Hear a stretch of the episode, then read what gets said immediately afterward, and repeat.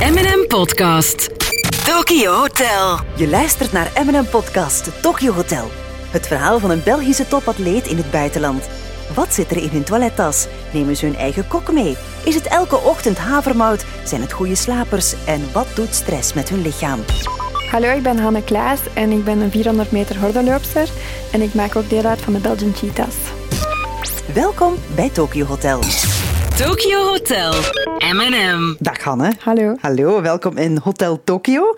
Uh, je hebt dit jaar al in het buitenland gezeten, hè? een trainingskamp in Zuid-Afrika. Hoe verblijf je daar dan? Is dat in een hotel of bij een gastgezin?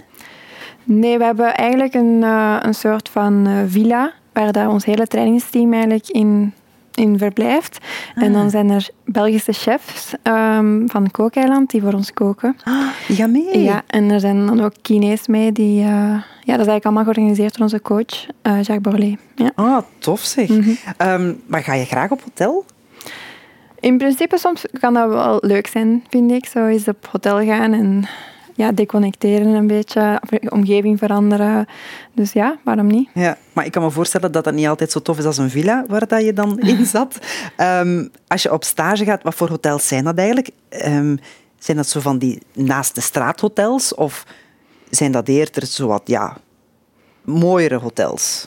Uh, het hangt ervan af waar we op stage gaan. Uh, bijvoorbeeld in, in Turkije, als we daar in Belek gaan, dan is eigenlijk het hotel naast de piste. Dus dat is echt een hotel echt gewoon ja, dat je het bijna aan, niet ja, moet verplaatsen. Inderdaad. Dus dan, en dat is echt een sporthotel. Dus alles is in functie van de atleten. Dus ook gezonde voeding. En ah, daar zijn kines en er zijn ijsbaden. En daar is alles echt ter plaatse. In Zuid-Afrika zitten we dan in een villa. Um, in Tenerife zitten we dan in bijvoorbeeld kleine appartementjes. Dus dat hangt er echt af van... Waar dat je zit, ja. Um, hotelkamers en uw villa's waarschijnlijk dan ook, die zijn altijd mooi opgeruimd. Heb jij een ritueel als je ergens voor de eerste keer binnenkomt? Bijvoorbeeld in de kleerkasten kijken, onder het bed, de badkamer checken? Oh, dat weet ik niet. Um, nee, eigenlijk niet. Meestal usual? gewoon zo de gordijnen zien, omdat het goed donker is. ik denk dat dat voor mij een van de belangrijkste dingen is, dat ik gewoon zo een goed donkere kamer heb uh, om te slapen, maar verder... Ben je een moeilijke slaper op een ander? Uh, niet moeilijk, maar licht. Als het zo licht is, ochtends, dan ben ik wel direct wakker. Ah, ja, ja, ja. Slaap je met oordopjes of zo'n zo, zo doekje over je ogen, zo'n ooglapje? Als het te veel licht is, dan doe ik een Toch? ooglapje aan. En oordopjes, als er ja, inderdaad lawaai is, maar normaal gezien niet. Nee. Nee, nee. Heb je graag airco of liever niet? Ja, als we bijvoorbeeld naar Tokio gaan, zou ik liever wel airco hebben. Ja. um, hoe val jij in slaap? Is dat op je rug? Of op, ga je op je zij liggen? Of weet je van, ik draai eerst drie keer en dan is mijn moment? Ik ben zo'n makkelijke inslaper. Echt? Na twee seconden ben ik gewoon weg. Maar echt weg. Um, maar meestal op mijn zij, ja. Linkerzijde. Ben je altijd een goede slaper geweest? Ja, ik ben echt soms gewoon dat ik mij neerleg en ik ben, ben in slaap. Oh, zalig. Ja. En ben jij een ochtend- of een avondmens? Een av avondmens, denk ik, ja. Toch? Ja. Vermits dat je zo snel in slaap valt. Um, wat is het laatste dat je doet? In mijn avondritueel is meestal dus zo... Ik heb van die recovery boots, dat is zo met luchtdruk, om te recupereren eigenlijk, om je bloed te laten stromen. Dus dat doe ik dan zo 40 minuten. En dan drink ik mijn theetje te tegelijkertijd. of dan kijk ik een serie en dan... En dan ga ik slapen, ja, dus... Ja. Welke reeksen bekijk je? Ik heb... Um, ik ben... Allee, de laatste tijden had ik graag zo die Spaanse series, zo Casa de Papel en van die dingen. Ja. Dat vond ik wel tof. Maar ik spreek ook Spaans, dus dat is ook goed om mijn Spaans een beetje te ja, ja, ja. onderhouden. Dus dat vond ik wel leuk. Um, ja, nee, maar verder... Ja. De Queen's Gambit vond ik ook echt supergoed. Ja, dus je hebt eigenlijk altijd wel een laptop mee om, uh, om reeksen te bekijken. Ja. ja. Wat is het eerste dat je doet als je opstaat? Um, ijzerpilletje nemen. en dan... Um, ik ontbijt meestal eerst en dan pas ga ik me klaarmaken, omdat ik dan mijn eten beter verteerd is voor de trainingen. Uh, dus uh, hoe vroeger ik ontbijt, hoe beter. Ja. Um, je zei van ja, als we in een villa zitten in Zuid-Afrika om te trainen, dan is dat opdat het daar warm weer is. Dus beter voor je spieren, beter -hmm. voor je lichaam. Er gaan ook koks mee van het kookeiland. Um, je bent met meer atleten daar. Heeft ieder zijn eigen voedingspatroon dat ze moeten volgen? Nee, meestal als die, die koks meekomen, dan is dat wel echt ja, gericht op het algemene. Dus Ah ja. Dus ja, je kunt dan wel in het ontbijt kiezen wat dat je neemt. Dus dat is echt zo'n soort van buffet eigenlijk. Uh, het avondeten is meestal ja, voor iedereen hetzelfde. Terwijl, tenzij dat je zegt van ik wil minder koolhydraten of ik wil meer groentjes, dat kan wel natuurlijk. Maar, uh, ah, ja, ja. Mm Zeg, en um, stel je moet lopen om twee uur s middags. Mm -hmm. Um, wat eet je dan s'morgens? Want dan is dat eigenlijk toch al verteerd tegen twee uur. Of, of hoe ziet jouw voeding er dan uit? Ja, ik neem een gewoon normaal ontbijt met havermout bijvoorbeeld en wat fruit. Iets dat wel goed verteert en waar ik mij goed bij voel. Ja. En dan smiddags um, hangt er vanaf. Soms eet ik bijvoorbeeld uh, eitjes met rijst of zo. Een soort van... Maar eigenlijk allemaal... Vooral ja, proteïne dan? Ja, proteïne. Klein beetje koolhydraten, maar niet te veel ook niet. Um, en of bijvoorbeeld zo, ja, maïskoeken of zo, dat kan ook. Of peperkoek. Dat verteert ook heel makkelijk. Maar gewoon zorg dat dat echt niet op je maag ligt. Want dus bijvoorbeeld, ja, zeg maar. rauwe groenten bijvoorbeeld, dat verteer ik niet makkelijk. En dat kan ik bijvoorbeeld niet veel eten voor een wedstrijd. Ja.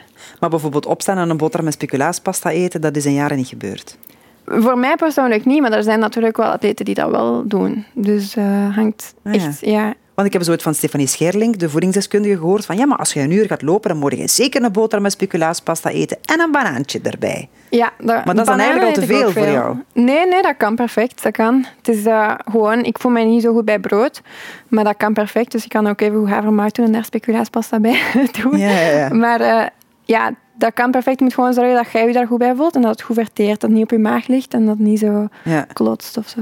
Je hoort dat wel heel vaak hè, bij topatleten, um, dat die voeding echt wel een struggle is. Is dat bij jou ook? Mm, nee, ik heb daar niet echt een struggle mee gehad, nog niet. Um, ik ben redelijk jong al goed begeleid geweest daarin. En nu op dit moment eigenlijk niet echt meer, wel door een inspanningsfysioloog. Maar um, ondertussen weet ik wel van oké, dat heb ik nodig of dat, daar voel ik mij goed bij. En dan tegen de wedstrijden raak ik wel echt op mijn eh, wedstrijdgewicht. Dus ja, ja, ja. ik denk dat ik daar nu al zoveel jaren een routine Verschilt heb dat dan veel, dat, dat wedstrijdgewicht, met je trainingsgewicht, zeg maar? Bij mij is het toch tot 2 kilo, ja. Ah, okay. Dus tegen nu ben ik zo 2 kilo te zwaar niet, maar allee, dat is ook vaak spieren. Hè. Dus hoe, hoe dichter dat ik bij de wedstrijden kom, hoe meer dat ik ja, in vorm geraak. En ja dan verlies ik zo beetje bij beetje nog ja, wat kilo's. Zeg, en uh, wat is jouw lievelingsgerecht? Oei, dat is een moeilijke als je, er, als je daarna niet moet lopen, hè? Ah ja? oh, mijn lievelingsgerecht. Ik eet... Um, als ik zo iets nostalgisch meestal, denk ik, zoiets van Costa Rica. Um, ik heb in, ben in Costa Rica opgegroeid. En al die gerechten zo... Alleen, voor mij, veel mensen gaat dat niet veel zeggen, maar ijs met bonen met zo'n lekker... Uh, dat is zo gekookt in zo'n kokosmelk. Uh, dat heet rice and beans, dat is super lekker. Um, en kan je dat zelf nog koken? Ik niet, maar mijn papa wel. Uh, mijn mama ook waarschijnlijk. Dus als, als zij dat soms maken, is dat wel echt zo zalig. Zalig lekker. ja. ja. Kan je zelf goed koken? niet uitstekend, maar kan wel redelijk goed koken, denk ik. Oh, ja. Ja, Zeg, we gaan eens naar de badkamer van het hotel. Hè. Um, daar staan meestal pottekens, zeepjes en zo. Heb jij je eigen badkamergerief mee? Of gok je op hetgeen wat er staat? Nee, ik heb mijn eigen spullen, mijn eigen badkamergerief mee, ja. ja. En is dat dan een setje van allemaal hetzelfde? Of ben je fan van bepaalde producten? Nee, dat hangt er eigenlijk echt vanaf uh, voor wat. Dus ik heb uh, bijvoorbeeld een gezichtscrème van een bepaald merk en dan shampoo van een ander. Uh, dus dat is ja, maakt niet uit van hoe of wat. Ja, ik heb wel mijn, mijn producten die ik graag gebruik, dus het zijn wel altijd dezelfde dan, in principe. Uh, maar het is niet allemaal van één merk. Nee. Heb je een bepaalde favoriete geur? Of, dat, of een geur dat jou terug doet denken aan je tijd in Costa Rica? Um, een geur... Ja, zo, Costa Rica zou dan zo eerder iets tropisch zijn, denk ik. Mm. Uh, zo van Mono-geur van Yves Rocher bijvoorbeeld, vond ik wel, vind ik oh, super tropisch. Um, maar echt een favoriete geur niet. Van parfum draag ik graag La Vie Belle van Lancôme. Ja. Maar ja... Ja, dat past ook wel bij. Ik zie, ik zie wel dat je dat draagt. Ja, ja. Zeg, en uh, poets jij je tanden voor of na het ontbijt? Na het ontbijt. Na het ontbijt. En als je stress hebt, hoe uitzicht dan? dan? Want je hebt bijvoorbeeld de lange afstandslopers die moeten constant naar een toilet gaan. Uh, ik heb dat nu nogal van topsporters gehoord. Van ja, er moet een toilet in de buurt zijn. Is dat bij jou ook zo? Ik moet wel een paar keer naar het toilet gaan. Uh, ja, ja, En wil je dan echt op voorhand weten, waar is dat hier? Ik zit hier in een stadion dat ik niet ken. Nee, maar ik, meestal zoek ik wel, het eerste wat ik doe is naar het toilet gaan. Dus uh, dan, dan vind ik dat wel. En dat is inderdaad wel een belangrijk, iets om, belangrijk om te weten, van waar zijn die toiletten gelegen. Maar ik ben niet iemand die zo heel... Um, allee, het is als er iets anders is dan anders, dan ga ik me daar niet over stressen. Ik weet niet hoe ik dat moet zeggen. Ah, ja, ja, ja, ja oké. Je maakt je daar gewoon niet druk in? Nee, ik maak me daar niet druk in. Dan maar je bent mentaal heel sterk, hè? toch? Goh, ja. dat is wel iets raar om te zeggen, maar ik heb daar toch wel hard aan gewerkt, ja. Ja. Was het daar het moeilijkste? Kan je nu zeggen van, ja, ik ben nu pakken zelfzekerder dan pakweg tien jaar geleden? Um, qua zelfzekerheid misschien niet, maar ik denk dat ik mezelf wel beter ken. En dat ik wel weet van, dat heb ik nodig om goed te presteren. En dat is op heel veel vlakken, hè. dat is mentaal, fysiek. Uh, maar ik was eigenlijk wel, als ik zo in mijn jong, allee, toen ik begon met atletiek, alleen helemaal in het begin was ik heel slecht. Hè, dan ging dat helemaal niet. En toen had ik schrik van wedstrijden, van competitie. En dat was echt zo'n struggle voor mij. Dat was echt zo, ik moest me echt pushen om te gaan lopen. Um, alleen niet de trainingen, maar de wedstrijden dan. En dan één keer dat het zo beter en beter begon te gaan, die wedstrijden, dan voelde ik mij wel ook zekerder en zekerder. Dus dan is dat wel zo gegroeid.